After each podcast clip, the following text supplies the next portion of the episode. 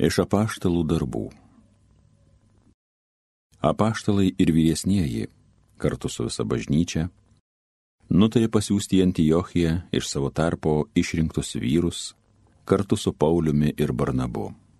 Tai buvo Judas, vadinamas Barsabu, ir Silas, kurie buvo vadovaujantis brolių tarpe. Jiems įteikė tokį raštą. Apaštalai ir vyresniai broliai siunčia sveikinimą Antijochijoje, Sirijoje bei Kilikijoje gyvenantiems broliams, kilusiems iš pagonių. Sužinoję, jog kai kurie iš mūsų nuvykę asmenys, mūsų neįgalioti, savo kalbomis pasėjo jūsų sielose nerimą bei samyšį, mes, bendrai susirinkę, nusprendėme pasiūsti pas jūs išrinktus vyrus, kartu su mūsų mylimaisiais Barnabu ir Pauliumi, kurie už mūsų viešpatį Jėzų Kristų yra guldę savo galvas. Taigi siunčiame su jais Judą ir Silą, kurie jums tą patį praneš gyvų žodžiu. Šventai dvasiai ir mums pasirodė teisinga neužkrauti jums daugiau naštų, įskyrus tai, kas būtina.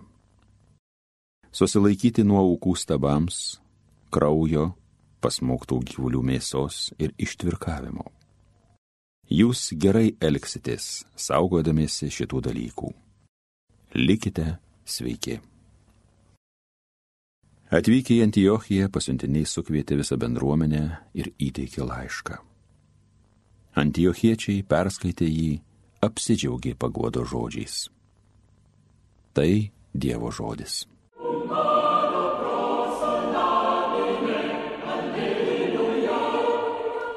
Tautose tau šlovę viešpaties kelpsiu.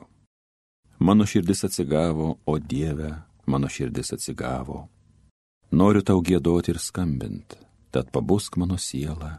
Pabuskite arfą ir kankliai, aš žadinsiu miegančią aušrą. Tautose tau šlovę viešpaties kelpsiu. Tautose tau šlovę viešpaties kelpsiu, tau skambinsiu giesmės tarpę pagonių, nes didis kaip dangus tavo gerumas, ištikimybė debesis siekia.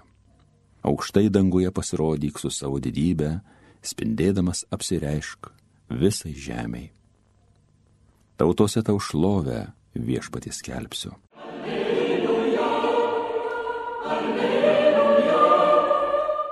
Juk aš jūs draugais vadinu, sako viešpats, nes jums viską paskelbiau, ką buvau iš tėvo girdėjęs. Pasiklausykite Šventojios Evangelijos pagal Joną.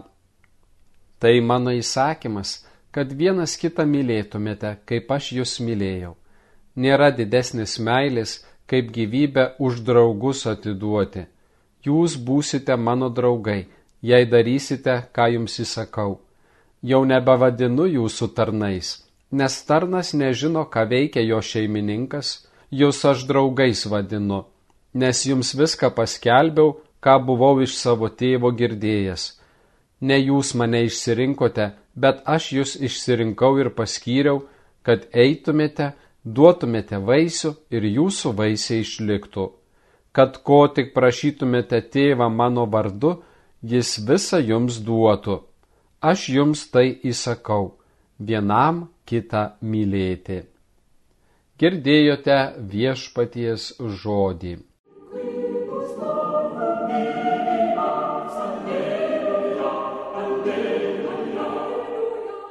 Brangus Marijos radio klausytojai, antikos laikais draugystė, bičiulystė buvo vertinama labiau negu kas nors kita.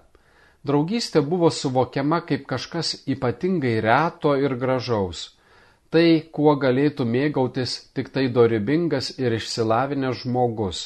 Draugystė buvo suvokiama kaip kažkas labai dvasingo, dvasinė meilės išraiška. Jeigu šitokią draugišką ir dvasingą meilę lygintume su erotinė meilė, tai pamatytume, jog įsimylėjėliai myli pastatydami save vienas priešais kitą, o draugai stovi greta, šalia vienas kito, keliaudami link to paties tikslo arba turėdami tokius pačius bendrus norus, siekia tiesos, gėrio, grožio ir taip toliau. O tai, kas apjungia tikrus draugus, tiesa pasireiškinti kasdienio gyvenimo ir darybių susijungime. Jėzus savo mokinius vadina draugais. Jiems tai leidžia suvokti tada, kada jau buvo nemažai laiko praleidę su mokiniais, kada buvo daug spėjęs papasakoti apie tai, ką iš savo tėvo girdėjęs, kada papasakojo apie pilną Dievo meilės tiesą tiems, kurie pasirinko juo sekti. O kad įrodytų, jog nėra didesnės meilės kaip tos, kurią jis myli ne tik mokinius, tačiau ir kiekvieną šiame pasaulyje egzistuojantį žmogų, jis paukoja savo gyvybę dėl tų, kuriuos vadina draugais. Naturalu, toks veiksmas tikra retenybė senovės pasaulyje ir būtent dėl to tai tampa bendrystės ir bendromeniškumo siekiu ateities visų kartų bažnyčiai, vyrams ir moterims, kurie kartu keliaudami per gyvenimo ir ieškojimo labirintus stengiasi pažinti tiesą ir ją gyventi, mokydamiesi, kaip Jėzus visus vadinti draugais. Ši tiesa ir be galo gražus siekis naikina bet kokius socialinius barjerus, kultūrinius ir rasinius skirtumus. Gyvenimas Jėzaus tiesoje jungia širdis ir uždega netgi netikinčio žmogaus troškimą pažinti šią tiesą, kuri yra mūsų tikėjimo esmė. Taigi, katalikų bažnyčioje, kaip ir tikroje draugystėje, vyrai ir moteris susibūrentis iš labai skirtingų socialinių sluoksnių ir skirtingos socialinės padėties, gali išmokti tikrai, autentiškai ir nuoširdžiai vienas kitą mylėti, taip, kaip Kristus Jėzus mylėjo. Šiandien skaitinėje iš apaštalų darbų prisiliečiame prie įvykių vykusių ką tik gimus krikščionybei. Petras, kuris paties Jėzaus paskiriamas bažnyčios galva, nusprendžia bendradarbiauti su Pauliumi ir Barnabu. Tokiu būdu nugali baimės nesaugumo jausmą, būdingus pirmykščiai atsivertelių bendruomeniai. Prasideda bendra kelionė. Pirmasis popiežius ir jam patikėta bendruomenė gyvena Kristaus mokslo šviesoje. Jie atviri kiekvienam ateinančiam. Juk visi turi teisę būti Dievo vaikais ir gyventi taip, kaip Evangelijoje moko Kristus. Tačiau visada šalia yra noras teisti ir vertinti kitą. Tačiau mums primenama, kad tai Dievo darbas - teisti ir vertinti nes tik jis geriausiai žino mūsų gyvenimo istoriją ir pažįsta mūsų širdį. Jis visą žino ir būtent dėl to matė, jog iš meilės reikia paukoti save ir išgelbėti vargstančių žmonės, vedant per mirtį link prisikelimo. Tai šiandien mums skamba kaip pamoka, kvietimas - mokytis mylėti vieniems kitus. Richardas Kernas užrašė tokią trumpą istoriją. Kartą vienas vienuolis skundėsi savo vyresniajam, kad didelė daugybė emigrantų veržėsi į Egiptą pereidami Raudonąją jūrą.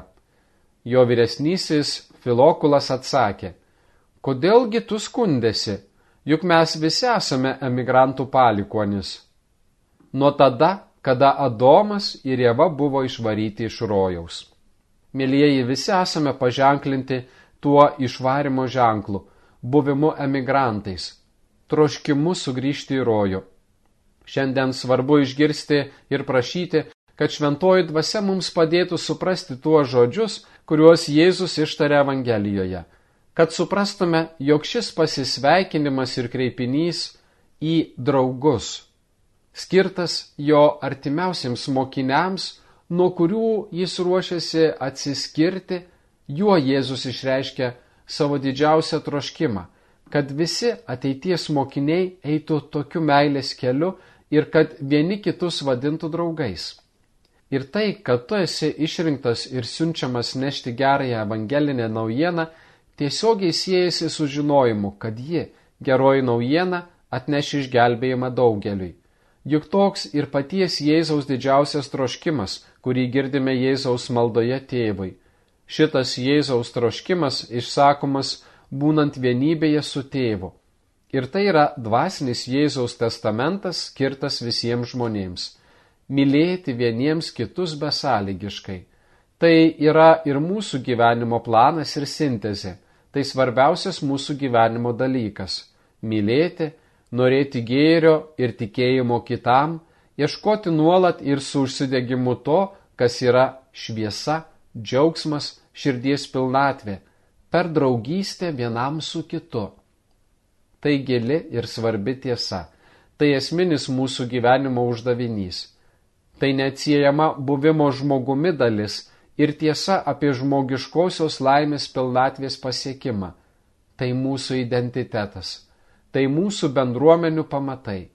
Viešpatie, mokyk mus mylėti ir vieniems kitus vadinti draugais. Amen.